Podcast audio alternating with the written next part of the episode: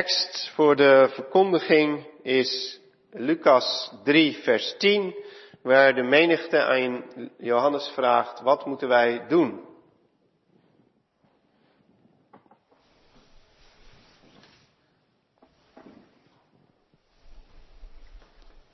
Gemeente van Christus, um, ja, wat moeten wij doen? Dat is een vraag die je op verschillende momenten in je leven kan overvallen. Um, dat is een vraag die we ook de afgelopen twee jaar uh, in de coronaperiode vaak gehad hebben, denk ik. Allemaal, uh, zoals we individu zijn, maar ook uh, als kerkenraad, als gemeente. En dan werd het ook al gauw de vraag, wat kunnen we eigenlijk nog doen? Wat kunnen we nog doen, gezien de omstandigheden, gezien de belemmeringen, de beperkingen, maar ook um, ook wel wat moeten we doen? Wat is nu dan onze taak in deze nieuwe situatie?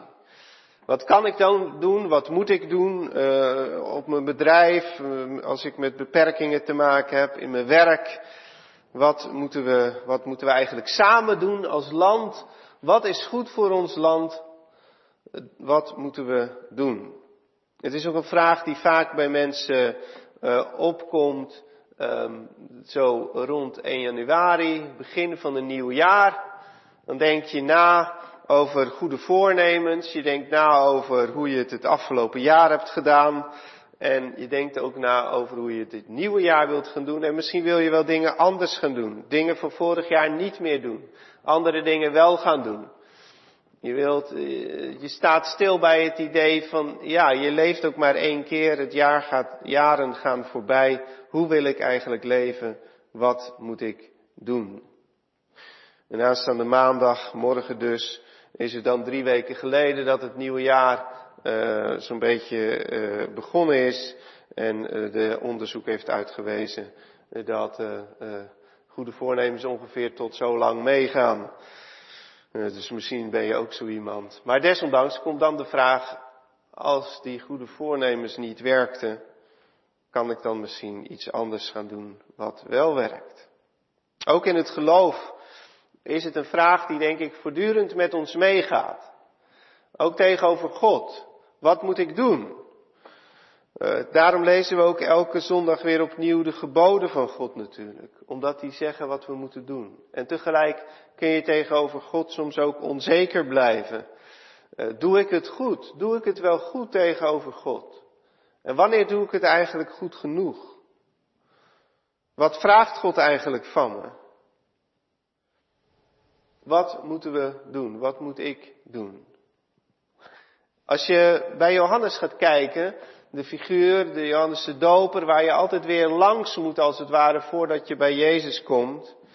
Ja, we komen niet meteen vanuit het Oude Testament bij Jezus, maar we moeten altijd eerst langs Johannes die boeteprofeet. En als je gaat kijken hoe het dan bij hem werkt, dan um, zie je dat het daar de vraag wat moeten wij doen een reactie is op zijn prediking. Johannes de Doper, we hebben allemaal wel een plaatje van hem in ons hoofd, denk ik. Kamelaren mantel aan, een zakje met springkanen op zijn rug, daar leeft hij van. Een beetje wilde honing in zijn zak. En zo gaat hij nooit naar de kapper, denk ik. Zo'n soort type stel ik me een beetje voor.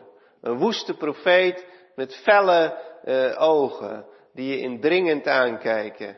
Die leeft in de eenzaamheid van de woestijn en die dan vanuit de woestijn steeds naar de Jordaan komt, die zo daar doorheen loopt. En aan die Jordaan trekt hij toch merkwaardig veel volk. Dat niet alleen op hem afkomt vanwege zijn rare leefgewoonten, maar vanwege wat hij te zeggen heeft. Wat bij hen raakt aan die vraag, wat moeten we doen? Want daar zitten de mensen eigenlijk al lang mee. En Johannes die, die, die, die port die vraag op een hele bijzondere manier op. Door eerst het oordeel van God geweldig aan te zetten. Want de vraag van de mensen is hier een reactie op die prediking van Johannes, die een prediking is van het oordeel. Het woord van God kwam tot hem in de woestijn, zegt Lucas. En dat is een formulering die je in het Oude Testament steeds vindt bij de profeten. Het woord van God komt, geschiet aan een profeet en dan gaat hij spreken. Zo is ook Johannes gaan spreken en hij gaat spreken van het oordeel. Merkwaardig eigenlijk, want zijn naam betekent God is genadig. Johannes. God is genadig. Maar hij zegt, de bijl ligt aan de wortel van de boom, God is staat op het punt om jullie om te hakken. In dat perspectief ziet Johannes ook Jezus komen. Hij weet zich als voorloper van Jezus, maar hij ziet Jezus ook helemaal niet zozeer als degene die dan de genade komt brengen.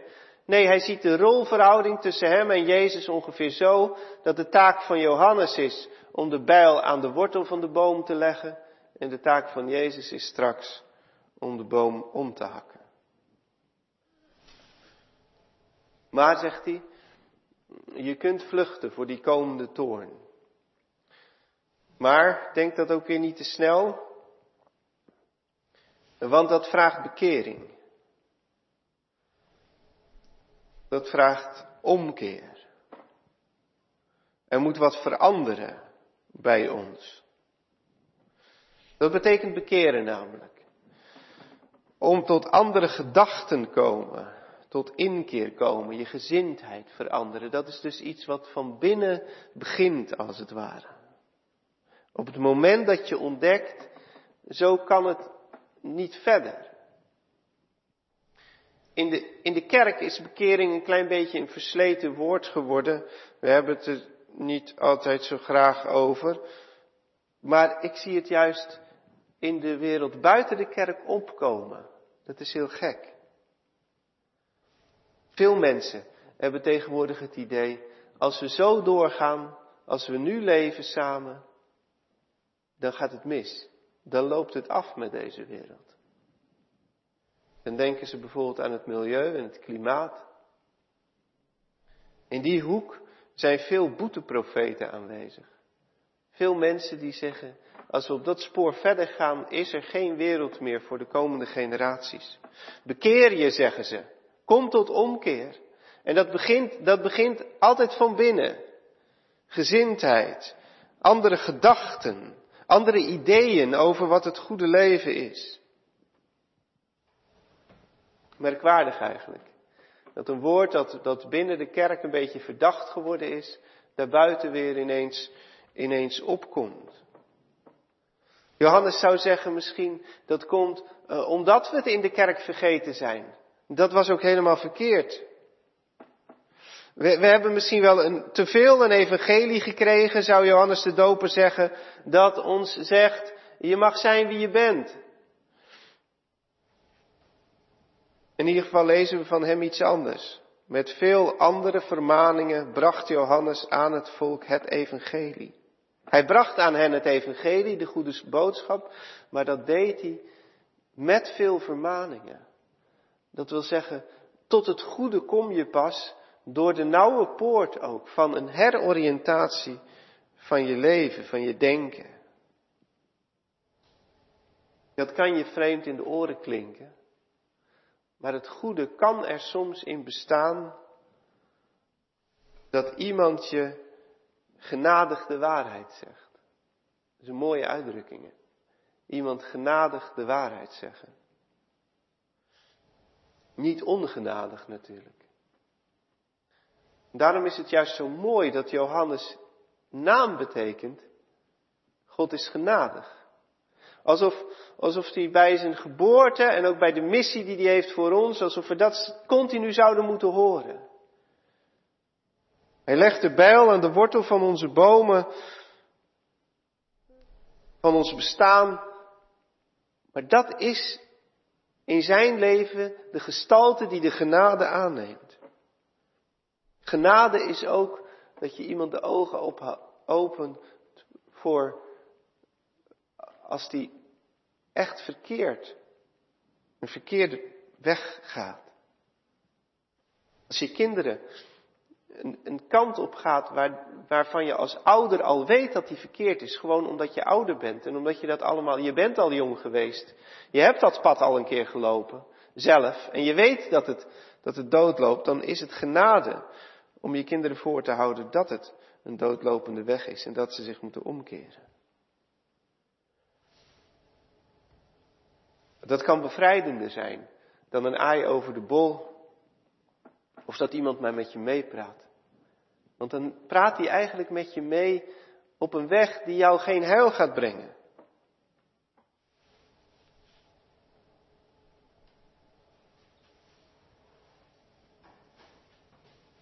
Dan wordt je leven pas vruchteloos. Vruchteloos en dor als een woestijn. En omgekeerd staat Johannes te prediken in de woestijn. Maar hij predikt juist iets wat uiteindelijk leven brengt. Bekeer je, kom tot inkeer en dan wijst hij op het water van de Jordaan. Zeg wat er fout is en laat je afwassen met water. Dan zul je vergeving ervaren en de kracht van God om opnieuw te beginnen. Ook tot ons zegt, zegt hij dat dus vandaag. Op dat moment waarop je je goede voornemens bijna in de prullenbak gooit. Waarop je misschien bijna bij het punt komt, 2022 wordt toch weer zo'n jaar als 2021.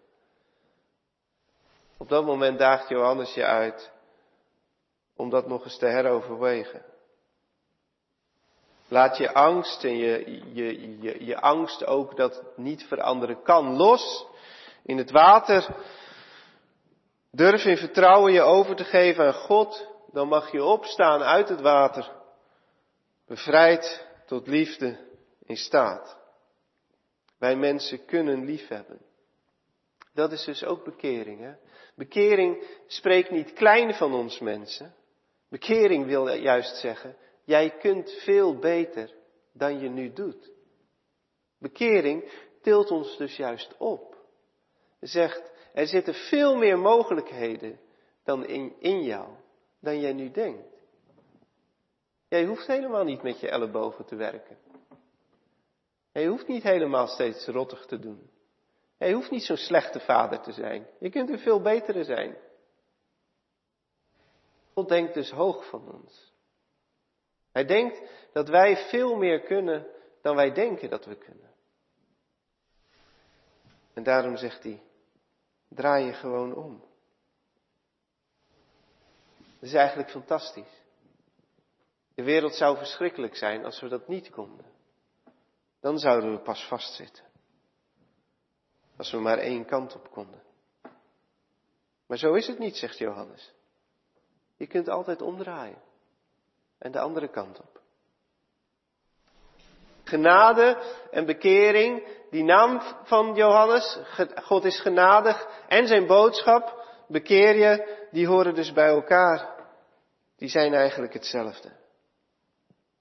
Nou hebben ze van die bekering eh, later vaak iets ingewikkelds gemaakt. Uh, hoe moet dat dan? Wat is dat dan? En ze hebben er vaak later in de kerkgeschiedenis hebben we er vaak ook heel erg iets innerlijks van gemaakt.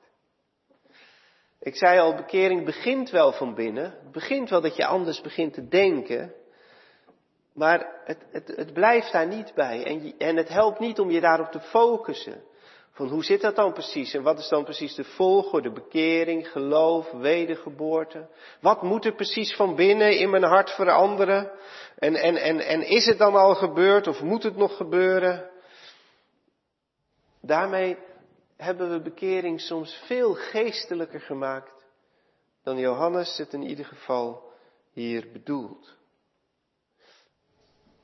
Hier is het iets heel praktisch. De prediking van Johannes is uitermate praktisch en concreet. Zo concreet dat je soms zou denken, nou, iets minder concreet had ook wel gemogen. Want als het evangelie heel concreet wordt, ja, dan komt het ook heel dichtbij in je handelen. En precies soms bij die dingen waarin je eigenlijk niet veranderen wilt.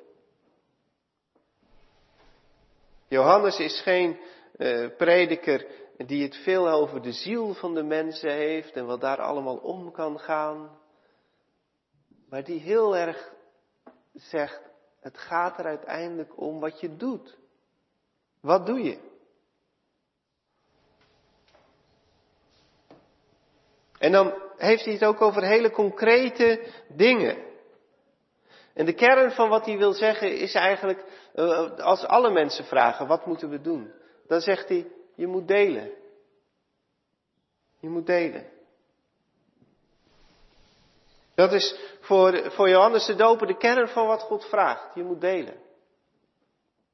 De hoofdzonde is voor, voor hem, ook voor Lucas de evangelist, de hebzucht. Later in de kerkgeschiedenis werd de grote hoofdzonde um, die we tegenover God doen vaak de hoogmoed. De hoofdzonde van ons mens is de hoogmoed. Maar da, daar heb je het weer, hè? dat is weer iets in je hoofd. Dat is natuurlijk verschrikkelijk hoogmoed. Maar misschien hebben we de zonde daarmee wel te veel iets gemaakt wat van binnen zit.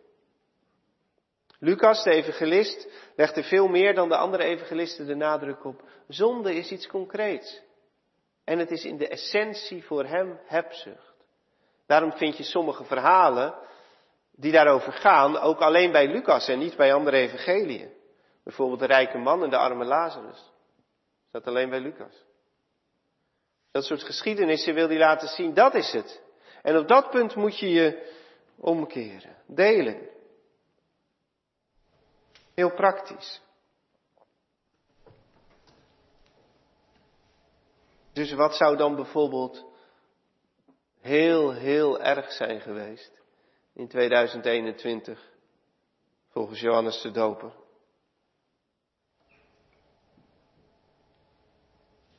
Wat was nou heel, heel erg in het vorige jaar? Je zegt, dat is toch echt dat mensen zo kunnen zijn. Dat wij mensen samen zo zijn. Ik denk dat Johannes dan niet zou denken aan een of andere oorlog of geweld of zo. Komt alle jaren voor. Maar dat hij bijvoorbeeld zou denken aan die miljardairs. Die dachten, wij zijn zo rijk. Wij willen ook een keertje een minuutje gewichtloos zijn in de ruimte. Weet je wel? Musk, Branson, Bezos. Hoe het afgelopen jaar een wedstrijdje. Wie het eerste een minuutje gewichtloos in de ruimte zou zweven. Op een planeet waar elke minuut elf mensen door honger sterven. Zitten de rijken een wedstrijdje met elkaar te doen om een minuutje in de ruimte te zweven. Dat. En, en dat dan in ons allen. Johannes is eigenlijk helemaal niet radicaal hoor, want als hij het over delen heeft, dan, dan, dan heeft hij het niet over dat je alles moet weggeven. Dus Jezus is later wel eens veel radicaler eigenlijk. En ook de kerk heeft later een veel radicaler armoede-ideaal gepredikt, zoals we dat dan zeggen. mensen die het klooster in gingen, die deden afstand van al hun bezittingen. Johannes bedoelt dat niet. Die zegt, er heeft ook niemand wat aan. Als jij alles weggeeft, dan moet iemand anders weer wat aan jou geven. En het schiet ook niet op. Nee, delen. Als je, als je twee boterhammen hebt en de ander heeft er nul, dan geef je er één weg, heb je er allebei één en kun je allebei verder. En daar knap je ook zelf van op. Dat geloof zit er natuurlijk ook onder. Wij mensen knappen er uiteindelijk niet van op als we alles naar ons toe trekken. Wij knappen er veel meer van op als we ook er voor een ander zijn en geven. Wat Jezus zei, het is zaliger te geven dan te ontvangen. Je doet het niet eens alleen voor de ander. Je krijgt het ook weer terug. Er is een prachtige kerstfilm. Dat is uh, uh, de film It's a Wonderful Life. Enorm oude film al. Uh, maar um, ja, was, vroeger was dat echt de kerstfilm bij uitstek.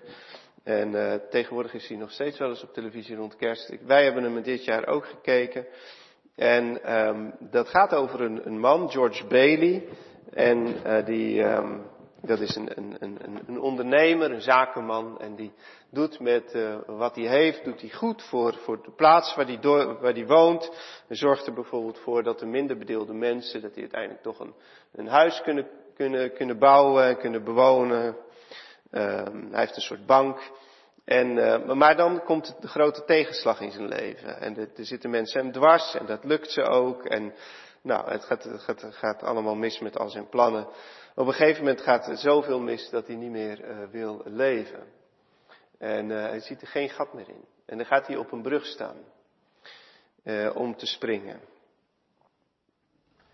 En um, dan komt er een, op dat moment komt er een engel uit de hemel. Clarence heet hij. Fantastische rol van een klein dik mannetje, maar het is een engel. En die, eh, die engel, die komt hem redden. Maar hoe redt die engel hem nou? Je zou denken, die, die engel die komt misschien naar beneden, die trekt hem van die reling af. Maar dat zou uiteindelijk niet helpen. Want die engel moet ook weer een keer weg en dan zou die alsnog springen. Als het in zijn hoofd niet veranderd is. Je zou denken, die, die engel die zegt misschien van hier, George Bailey, hier heb je een miljoen of, of een miljard, kun je ook een minuutje buiten de aarde zweven. Maar dan zou George Bailey denken, dat gaat me niet helpen. Weet je wat die engel doet? Die engel springt in het water dat onder de brug doorstroomt. En roept omhoog naar George Bailey. Help! Ik kan niet zwemmen!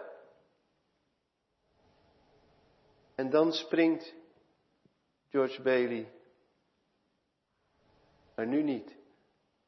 Om te verdrinken. Om zichzelf van het leven te beroven. Maar om die man, die engel, te redden. En dat tilt hem op uit de misère van zijn leven. De wetenschap, ik kan iets voor een ander doen. Ik kan een ander redden. Ik kan een ander helpen. Zo is het eigenlijk altijd. De boodschap van de bekering is niet een boodschap die ons beknelt, maar juist een boodschap die ons tot mensen maakt die we eigenlijk altijd al wilden zijn.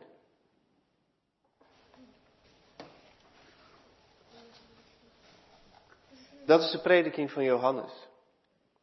Concreet komen de mensen op hem af, wat moeten we doen? Het is niet ingewikkeld, zegt hij, wat jullie moeten doen. Het is niet ingewikkeld, je hoeft er niet op te studeren. Het is datgene wat je eigenlijk al weet. Delen. En dan komen de tollenaars, die mensen die, uh, die de belasting moesten innen.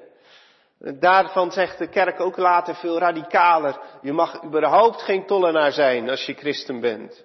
Vreselijk beroep. Johannes is eigenlijk helemaal niet radicaal. Hij zegt, jullie mogen best tollenaar blijven. Je moet gewoon niet meer vragen dan, um, dan waar je recht op hebt. Soldaten komen bij hem. Ook daarvan heeft de kerk later gezegd, je kunt als christen helemaal geen soldaat zijn. Een christen mag niet dienen in het leger. Johannes is helemaal zo radicaal niet. Hij zegt, jullie mogen gewoon soldaat blijven. Maar je moet niet afpersen. Je moet niet met je bajonet bij een mevrouw binnenlopen en zeggen, heeft u nog geld in de la liggen? Dat is misbruik maken van je positie. Beroepen zijn er dus ook. Hè? Verschillende beroepsgroepen die hier eh, naar Johannes toekomen zeggen, wat moeten we doen? Misschien heb je dat ook wel eens in je werk. Dat je ook in je beroepssfeer wel eens denkt, wat moet ik, hoe kan ik daar nou eigenlijk christen zijn? Vertrouw er dan op dat je dat in feite al weet. We maken het evangelie wel eens te ingewikkeld. Hè? Het is heel goed hoor om een bijbelstudie te doen. Fantastisch, heel belangrijk. Nadenken, kijken, wat staat er precies. Maar als het gaat om de vraag wat moet je doen, moet je erin geloven dat je het eigenlijk al lang weet. Het probleem zit niet in dat we het niet weten. Het probleem zit erin dat we het zelfs van het meest eenvoudige vaak zo moeilijk vinden om het echt te doen.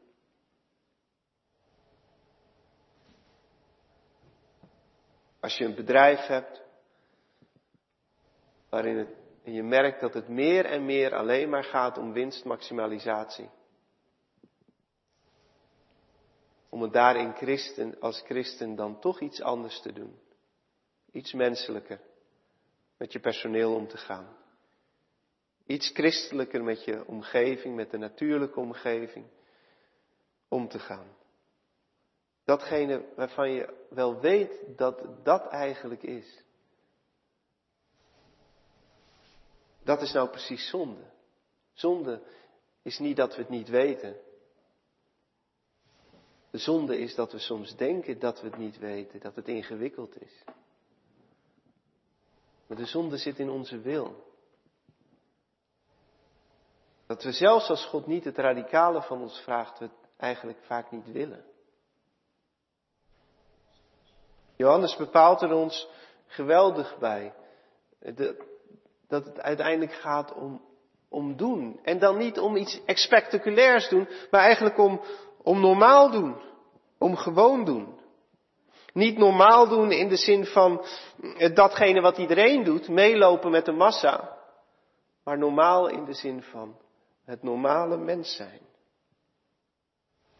Christen word je om meer en meer een normaal mens te worden.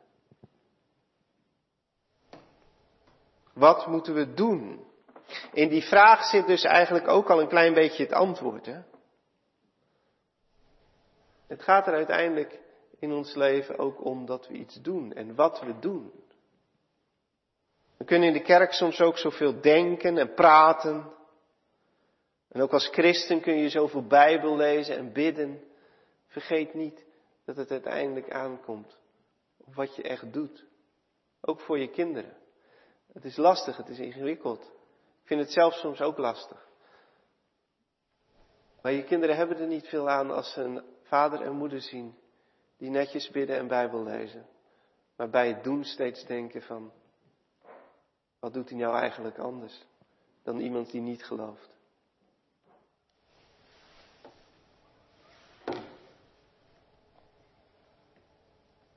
Het gaat om normaal doen.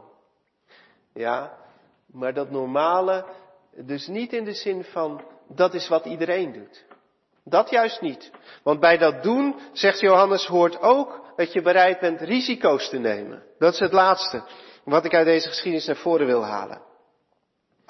Het zeggen, de prediking van Johannes, eh, de prediking die hij richt tot mensen waarin hij eigenlijk zegt, doe eens een keertje normaal. Doe gewoon. Die richt hij wel tot iedereen. En zo komt hij met zijn prediking ook terecht bij Herodes de vorst. Een vorst die dacht, ik ben niet als andere mensen, ik ben een koning, dus mij is meer veroorloofd dan andere mensen. Zo'n beetje als Djokovic die dacht, ik ben ook niet een normaal mens, ik ben een beroemde tennisser, ik mag meer dan andere mensen. Gelukkig hebben ze nu in Australië uiteindelijk ook tegen hem gezegd, je bent ook een gewoon mens en moet je ook aan de regels houden. Dat vinden bijzondere mensen soms een beetje moeilijk om te bedenken. En die Herodes had dat nog veel, veel, veel, veel, veel erger. Die dacht, ik ben een koning en ik kan alles maken. En zo rommelde die wat met zijn schoonzus en deed nog een heleboel andere dingen die niet deugen. Maar Johannes ging ook naar hem toe. En zei, jij moet ook normaal doen. En dat werd hem niet in dank afgenomen. Maar dat geldt dus wel voor ons.